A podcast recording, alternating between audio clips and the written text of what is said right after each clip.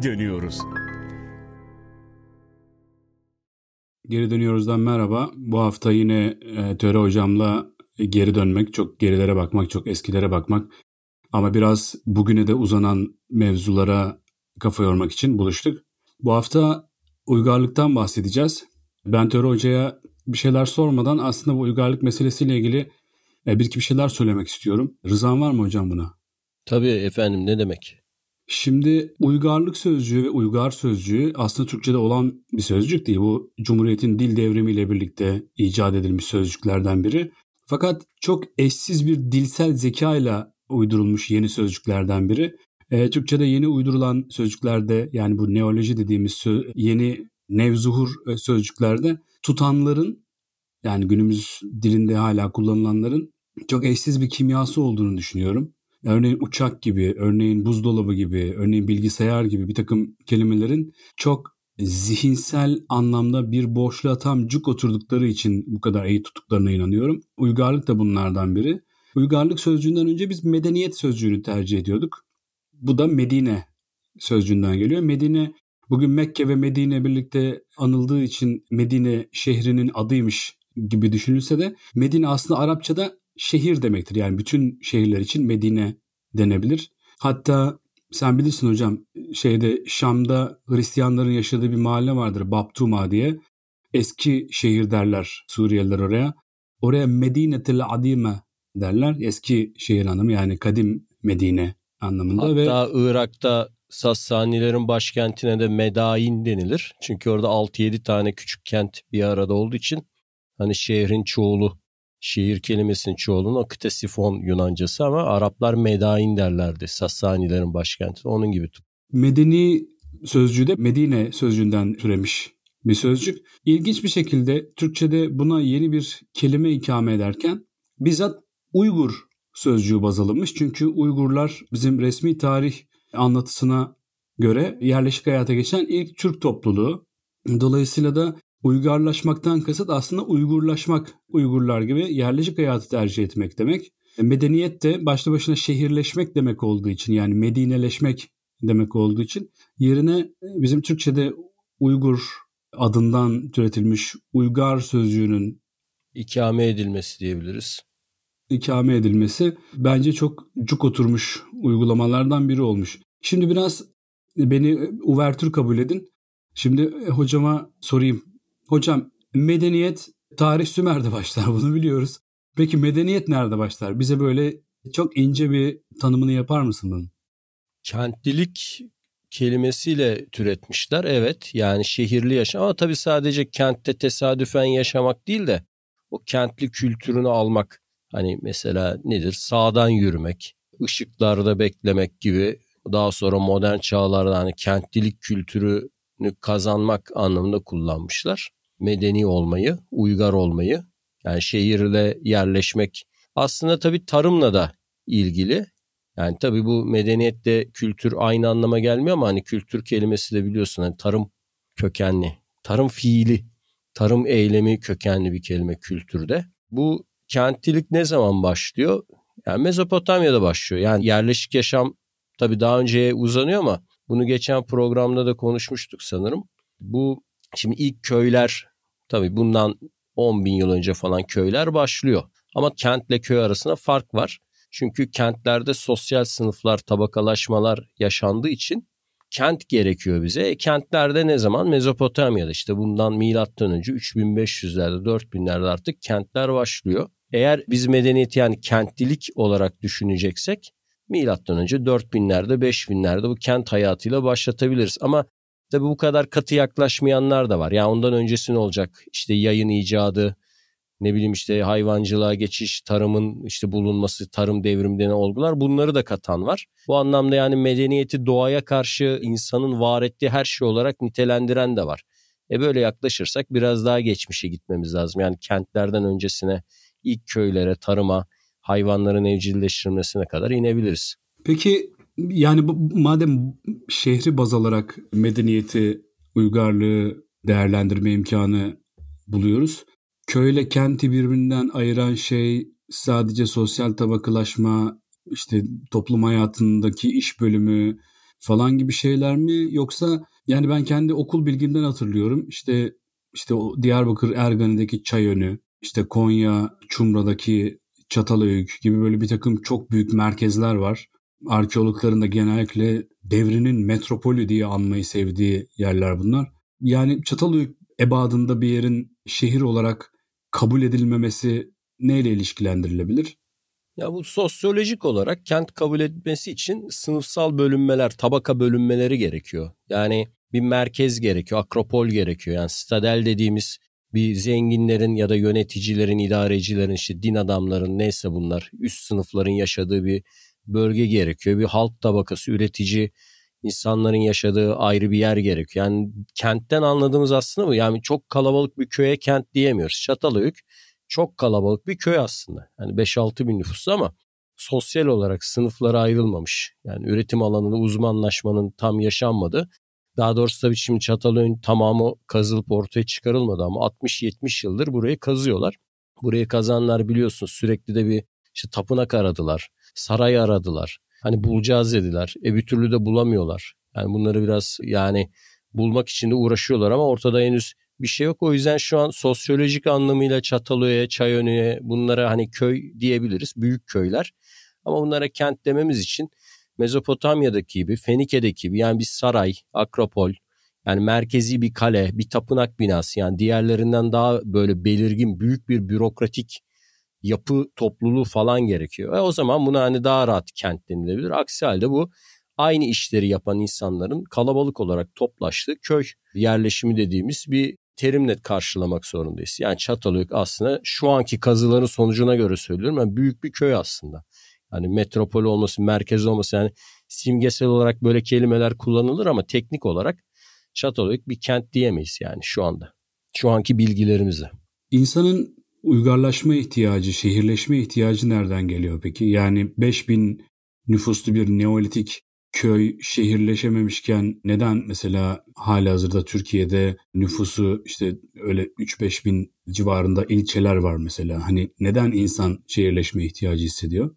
Uzmanlaşma ile ilgili bir konu. Yani bir noktadan sonra artık herkes tarımla uğraşmasına gerek kalmıyor. Yani yeterli bir artı ürün oluşu zaman farklı meslek grupları ortaya çıkacak. İşte bakırcılar, kalaycılar, demirciler, bunları satanlar, bunları organize edenler, yani ticaretin gelişmesiyle yani kent olması için biraz kentte has sınıflar lazım. Mesela şimdi herkesin tarım yaptığı bir yerde e, tarımcı bir topluluk tarımla geçiniyor ama kent dediğimiz olguda tarım dışı insanlar var. Hani hayatın hiç çapa sallamamış, hiç tarım yapmamış, hayvan bakmamış. Sadece yazı yazarak geçinen katipler, ruhbanlar, rahipler, işte sadece ticaret yapan, zanaatla uğraşan, alıp satan. Yani tarımdan biraz kopması lazım olayın bir yere bizim kent diyebilmemiz için orada yaşayan insanların biraz tarımdan kopmuş olmaları lazım. Yani Çatalhöyük'te e, herkes tarımla uğraşıyor. Her evin içinde buğday deposu var. Hepsinin e, şeylerini takip edebiliyorsun.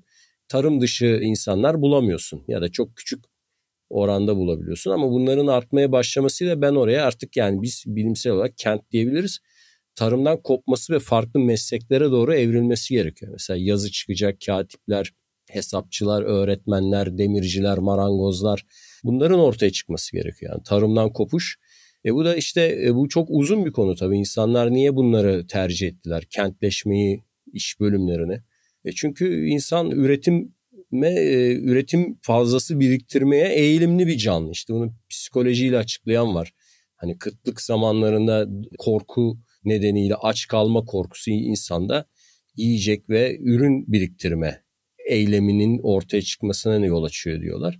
Yani kentleşmenin ortaya çıkması herhalde iklimin, coğrafyanın etkileri, insan zekasının değişime karşı bir çözüm arayışı. Bir de av hayvanların azalmasıyla da ilgili. Bunları takip edebiliyoruz. Ama insanların avlamasıyla ama doğanın değişmesiyle o eskisi kadar bereketli bir av alanı olmadığı için kuraklıklar ve e, hayvan soylarının yok olmasıyla buzul çağından sonra e, kentlilik artık farklı üretim şeyinin gelişmesi. Örneğin taş aletten işte bakır, bronz, demir alete geçince daha fazla ürün alıyorsun topraktan. Daha iyi ekebiliyorsun. Bunları yapabilmen için de kent gerekiyor. Aslında tarımın da ilerlemesi için kentteki metalurji yani maden teknik şeyin gelişmesi gerekiyor. Teknolojinin gelişmesi gerekiyor. Bu da ancak kentle olabiliyor. Yani köylü bir yere kadar teknoloji ilerletebilir. Yani teknolojinin ilerlemesi için kent gerekir. Yani şöyle anlatayım bu konuyla çok ilgili olmayan dinleyiciler için. Mesela bronz alet üretebilmeniz için bakır ve kalayı birleştirmeniz lazım.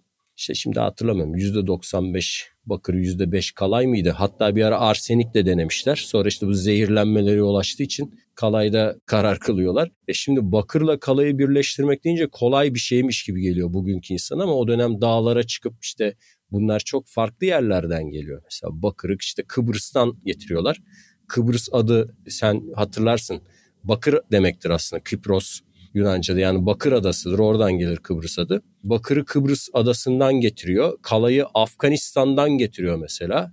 E şimdi birini Kıbrıs'tan getiriyorsun, birini Afganistan'dan getiriyorsun. Sonra bunları işte 1300 derece kazanlarda eritip e, ergilik böyle eritip kaynatıp şey yapıyorsun bir araya getiriyorsun. E bunlar için teknoloji lazım, şehir lazım, kent lazım yani. Bunlar köylünün... Bir de bu yapabil- işlerden anlayan adam lazım. Tabii, tabii canım yani. bunları uz- biri yazacak, çizecek.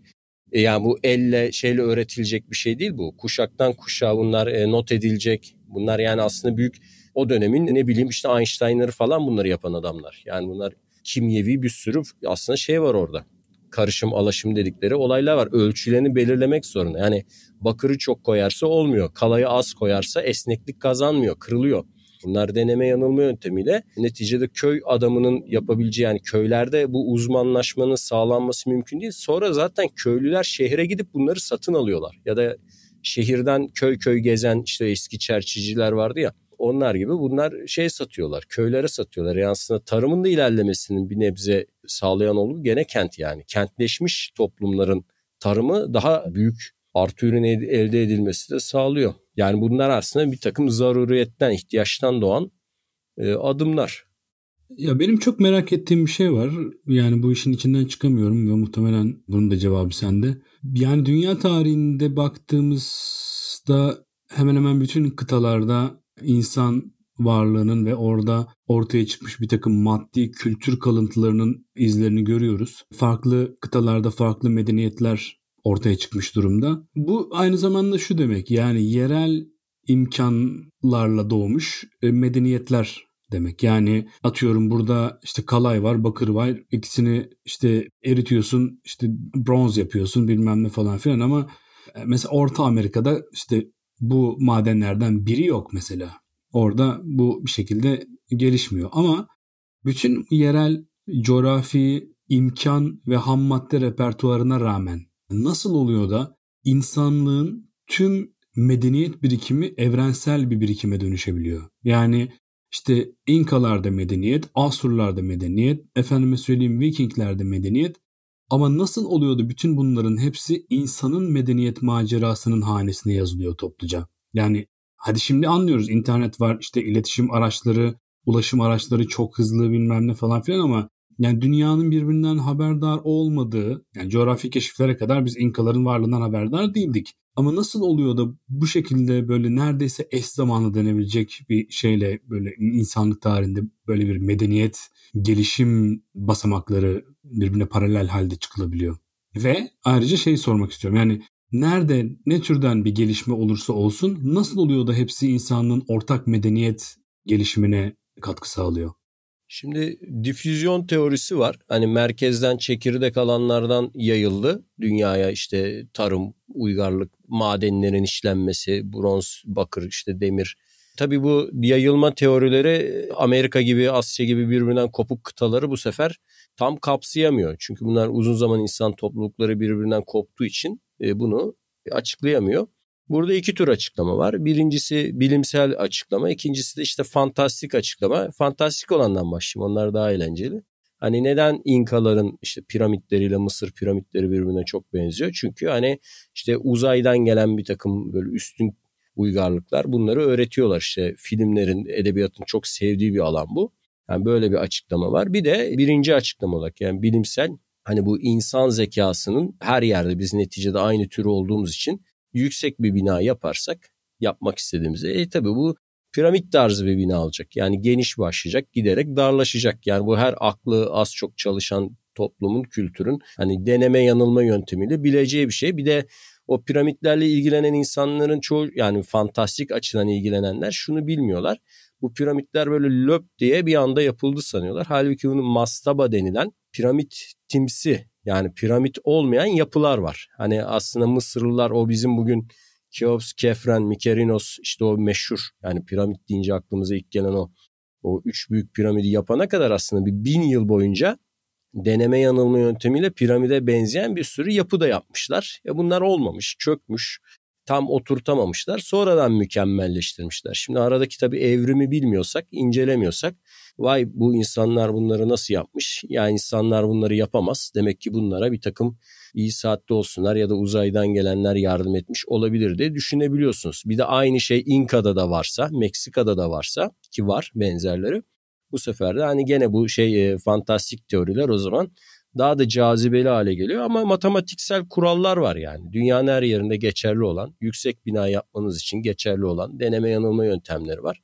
Yani bu benzerliklerin çoğu aslında çok ilgi çekici olmasa da bu anlattığımız yani çok olabilecek şeyler. Tabii ama bir insanın hani ikinci teori yani fantastik teoriye kendini kaptırması daha anlaşılabilir bir durum. Çünkü yani biri gelip de ya bu matematiğin kendine göre kuralları var. Zaten bir bina yapıyorsan böyle yapmak zorundasın demesi e bir sıkıcı bir şey tabii. Yani öbürü daha eğlenceli.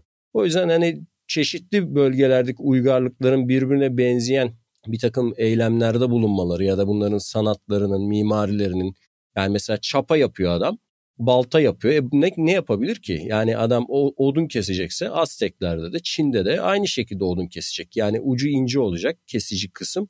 Gücü alan yer kalın olacak. Yani bu bir fizik kuralı yani fiziklerden tabii o formüllerini ben şimdi bunlara asla öğrenemedim öğrenciyken ama yani bu odunu yaran şeyin baltanın yapım şekli belli. Bu Viking'de de şurada da burada da aynı fizik kurallarıyla hareket edeceği için aslında birbirine benziyor.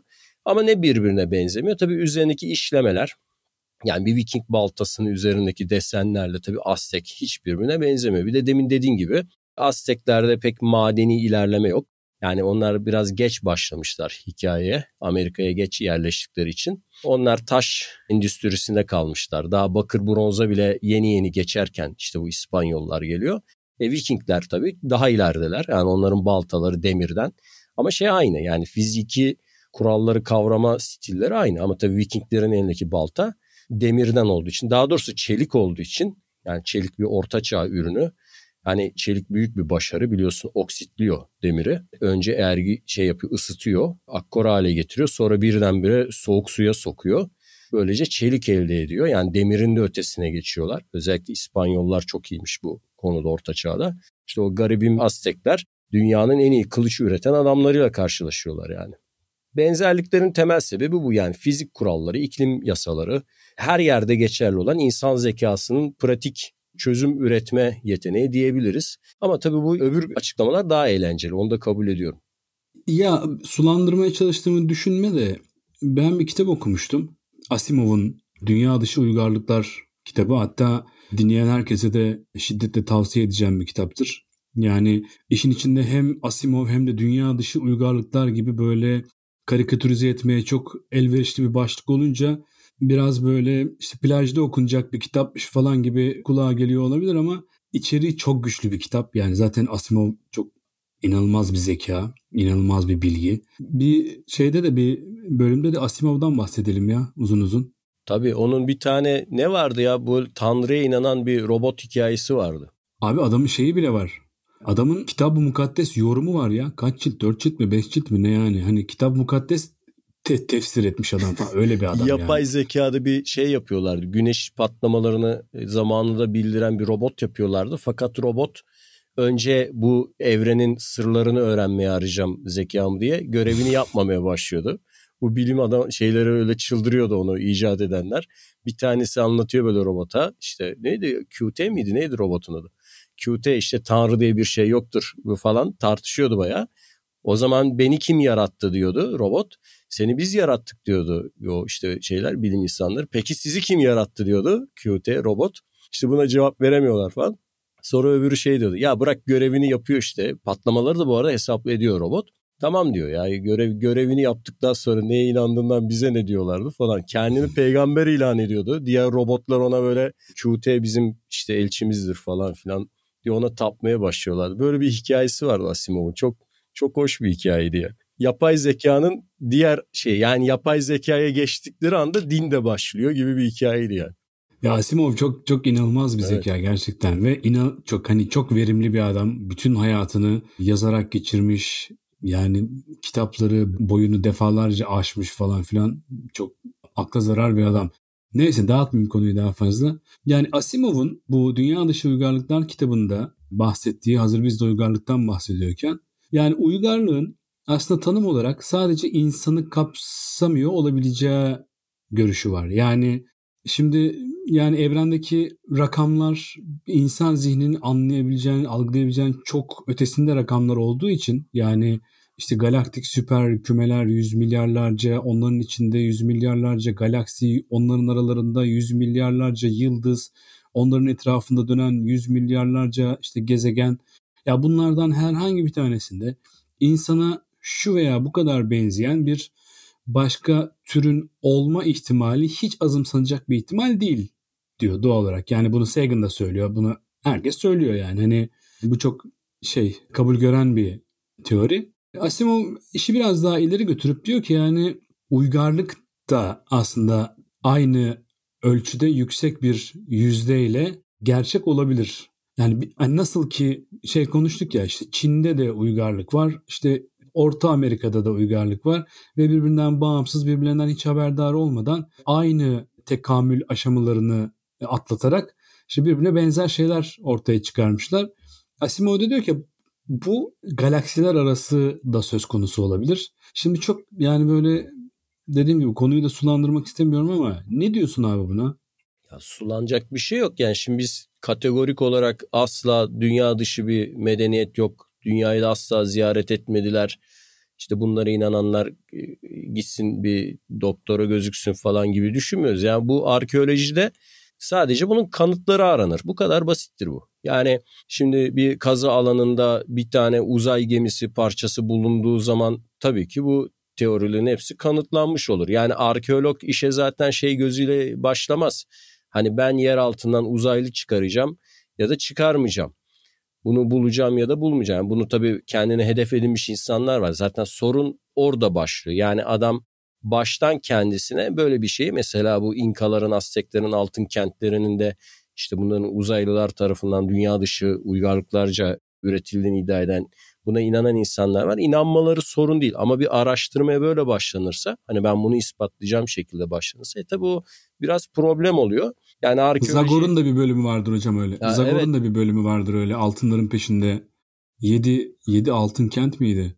Ya zaten Zagor'u küçükken beni en çok şaşırtan şey bir bölümünün çok gerçekçi bir bölümünde çok fantastik olması. Mesela Tex hep gerçekçiydi o kafa karıştırmıyordu ama Zagor'da hep böyle kafam karışıyordu. Yani neye inanacağımı şaşırtıyordu beni. Çocukken Zagor'dan bu yüzden böyle biraz çekinirdim yani. Solundan evet, evet Zagor'un Zagor'un bir bölümünde böyle aşırı yüksek bir edebi fantastik yetenek bir bölümü de böyle aşırı zırva olurdu genellikle. Ya bir Yeti bölümü vardı onu. Yeti ile karşılaşıyordu. Ateş ediyorlardı ölmüyordu. Çocukken onu okuduğumda çok şaşırmıştım yani nasıl oluyor? Çünkü genelde hani western çizgi romanlarda böyle şeyler olmaz ya. Evet Zagor'un öyle fantastik şeyleri var, boyutları var. Mesela Tex'te yoktu. Tex hep realist yani gerçekçiydi. Ben Tex'i hiç sevemedim ya. Bana hep böyle bir... Tex'i ben 35 yaşından sonra sevdim abi. O öyleymiş. O zaman anladım. Yani çocukken okunmuyor, okunmama artı 18 falan konma hatta artı 30 konabilir. Text şeyde okunmaya başlıyor. 30-35 yaşından sonra tekstleşiyorsun yani. O anlıyorsun niye bu adam sinirlenmiyor, her şeye sabır gösteriyor falan. Hani çocukken şey istiyorsun. Hemen iki tokat çeksin, sorunları çözsün. Text öyle değil ya. Onu şeyde anlıyorsun yani. Orta yaş şeyine girmen gerekiyor biraz havasına. Şimdi yeniden mesela bir başlarsan bak çocukluğundaki şeyi değişeceğine eminim yani. Ona tamam, ona garanti ona, ona garanti ona bir bakayım bir tekstle kendini şöyle bir fark edeceksin onu. Neyse şimdi bu yani dediğim gibi dünya dışı uygarlıklar gelmiş ziyaret etmiş de olabilir. Dediği gibi aynı anda şu an bizimle aynı aşamalarda da olabilirler. O yüzden de gelemiyor olabilirler. Hani yoksa hani bizden ileride olsalar değil mi bizi ziyaret etmeleri lazım. Hani Kolomb'un gemilerinin işte Küba kıyılarına çıkması gibi Antillere çıkması gibi şimdi gelmiş olmaları gerekiyor. Yani bizden çok çok önce başlamışlarsa bazı işleri. Herhalde biz de aynı durumdalar ki bu mantıkla yani doğru bir mantık. Hala gelen giden e, bildiğimiz kadarıyla yok. Hani olduğunu iddia ediyoruz ama ortada sağlam kanıtlar yok. Bir de bu konuda şöyle bir durum var. Hatalı örüntü tanımlama diye bir olay var. Yani mesela bir Yusufçuk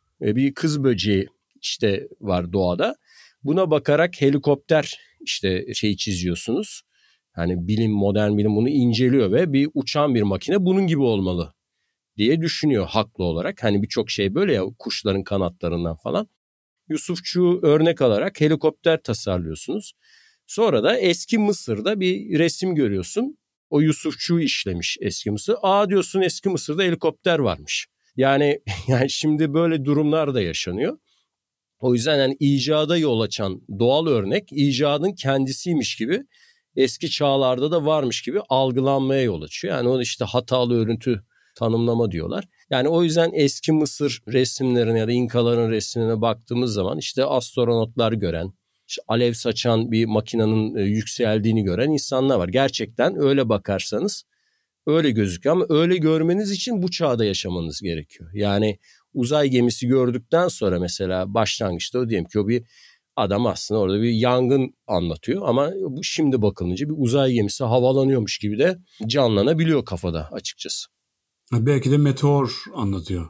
Tabii canım mesela uzaydan düşen bir kuyruklu yıldızı gösteriyor. Yani kuyruklu yıldız neticede bu adamlar görüyor yani. Hani kuyruklu yıldızları zaten çok iyiler e, biliyorsun şeyler. Hatta benim bildiğim kadarıyla dünyanın en iyi astronomi en ileri uygarlığı Mayalar işte. Yani takvim konusunda mesela en bizim bölgemizde en iyi Mısır'dır. Yani güneş takvimi hesaplarında en iyi Mısır'dır. Mezopotamya'dan iyidir. Mezopotamya kötü aslında ortalama. Mısır daha iyi ama bildiğim kadarıyla Mayalar en iyisi. Yani saniyesine kadar hesaplamış adam güneş yılını. Yani mesela Mezopotamya 360 gün demiş. Mısır 365 gün bilmem kaç saat demiş. Maya saniyesini de doğru hesaplamış. Bu adam uzayı inceliyor. E, uzayla ilgili ama tabii gerçekten bir uzaylı gördüler mi? Yani ben ne zaman buna işte inanırım? Bir Aztek kazısında e, hakikaten toprağın altından hani e, bunlar bronz çağına yakın bir aşamadaydılar. Açıklayamayacağımız bir teknolojik unsur çıktığı zaman tamam bu deriz ki bir zamanlar gelmişler. Yani bence şey olmak gerekiyor. Yani kategorik olarak karşı falan değiliz yani arkeoloji dünyası olarak ama ortada bir şey yok. Yani mesela ne denmişti? Müslümanlar Amerika'yı keşfetti dendi değil mi bir ara? Öyle bir şey var. Yani Fuat Sezgin Hoca'nın biraz da herhalde şey zamanlarına denk geldi onun. Ee, Fuat Sezgin şey diyordu yani aslında dünya çapında bir bilim insanıdır biliyorsun yani çok değerli bir Hı-hı. bilim insanı. 7-8 dile hakim biri ama bir ara şey dedi yani Müslümanların Amerika'yı ilk kez Müslümanlarca keşfedildiğini işte iddia ediyordu son dönem kitaplarında.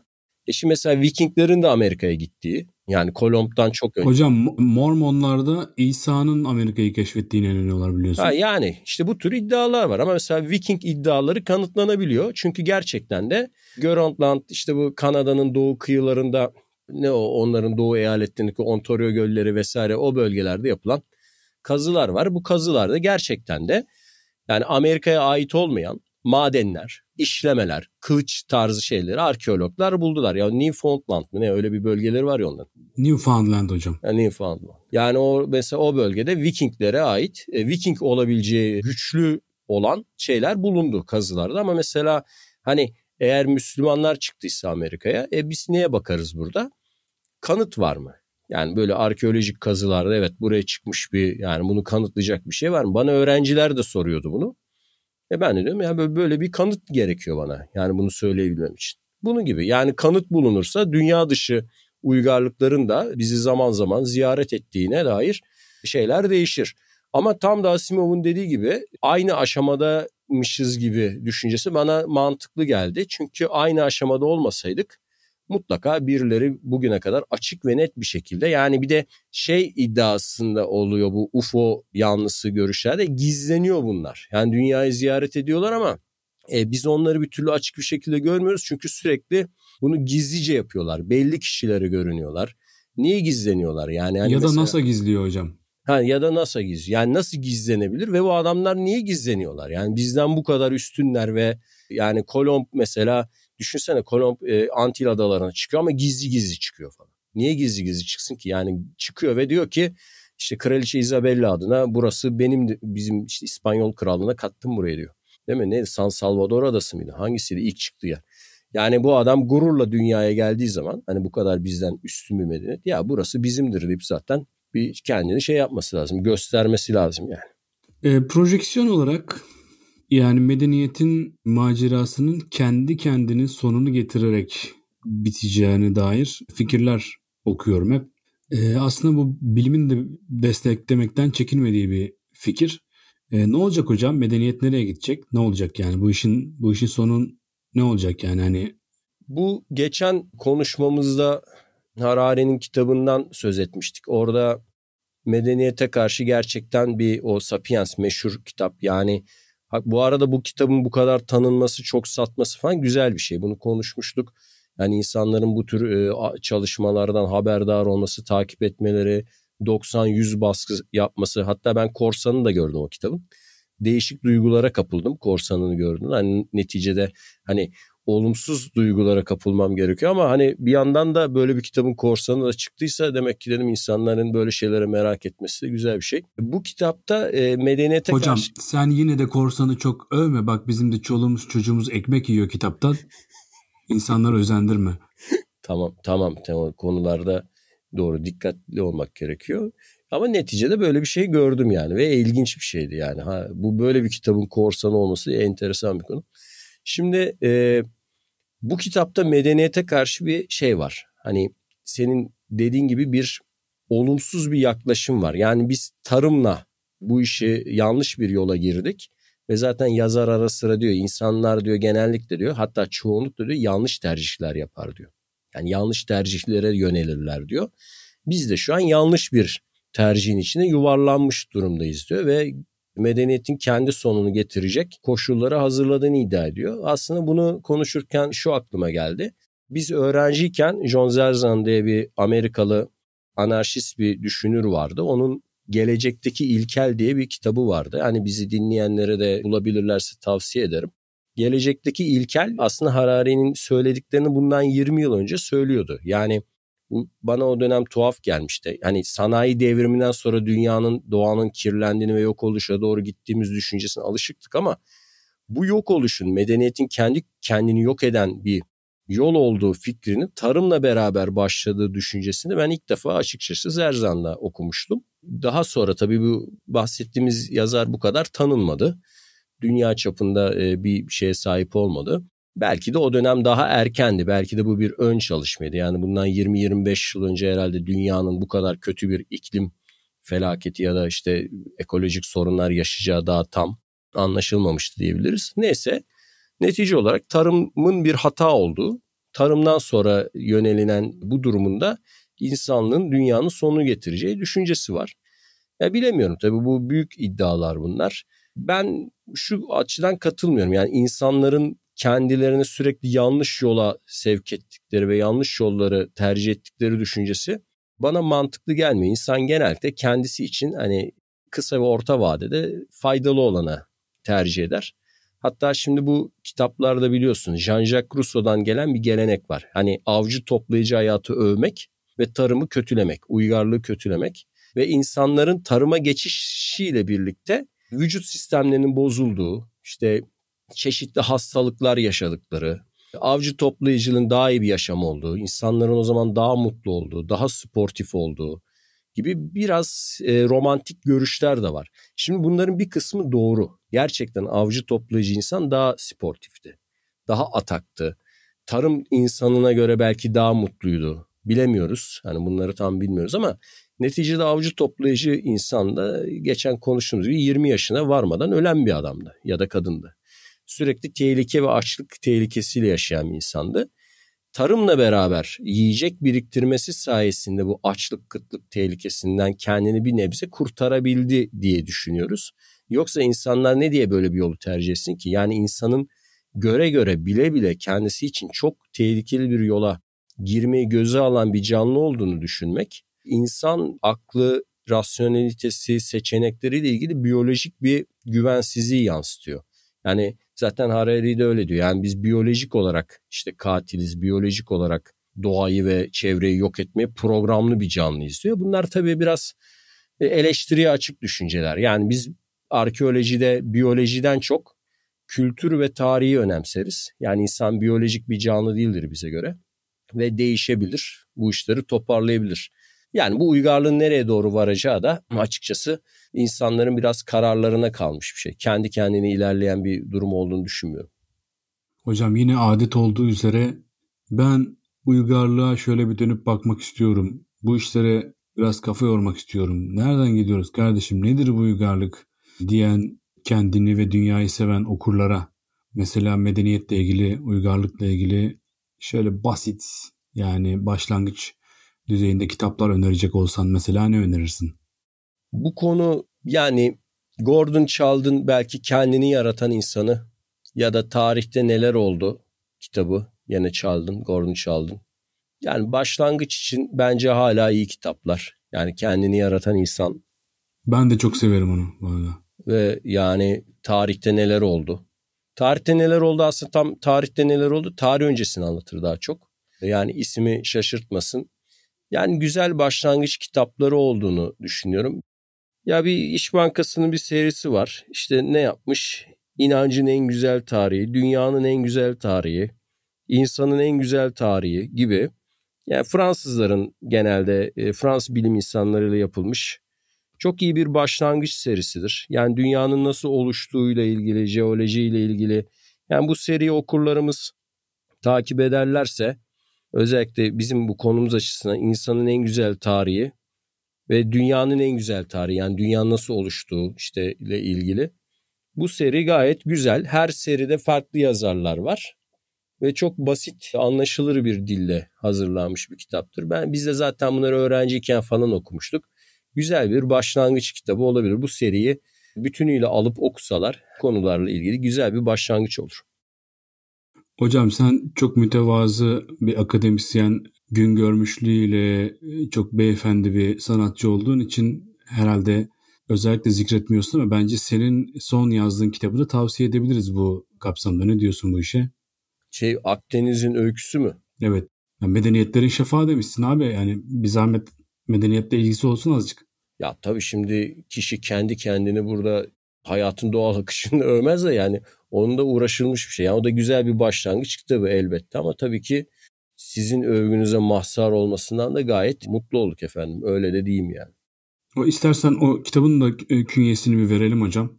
Belki okumak isteyen hem de seni daha yakından tanımak isteyen olur belki.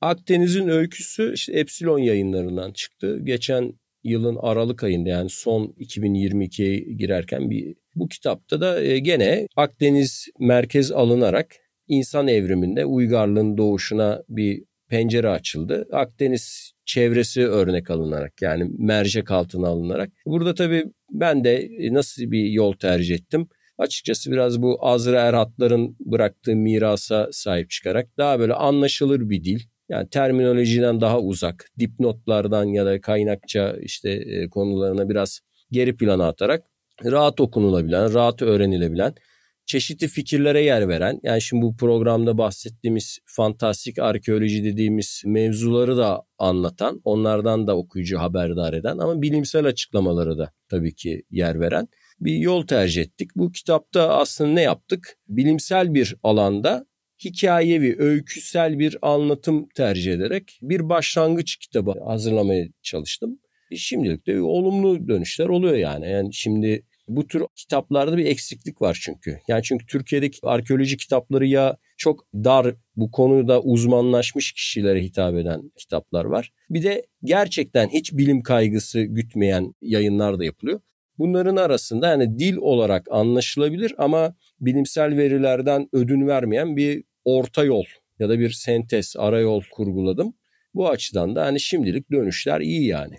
Evet hocam kitabını da tanıtmış olduk çünkü bunlar önemli şeyler. Biz de ev geçindiriyoruz bu işlerle yani insanlar alsınlar okusunlar.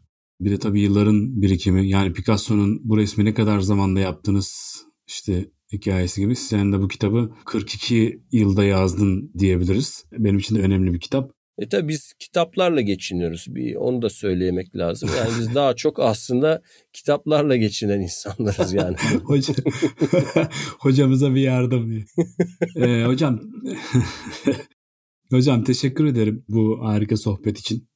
Benim için 30 yıl sonra bile hala büyüsünü kaybetmeyen bir şey seninle sohbet etmek ve veda ediyorum. Herkese hoşçakalın demeden önce önümüzdeki hafta yazıdan bahsedeceğimizi de bunu da işaretini vereyim.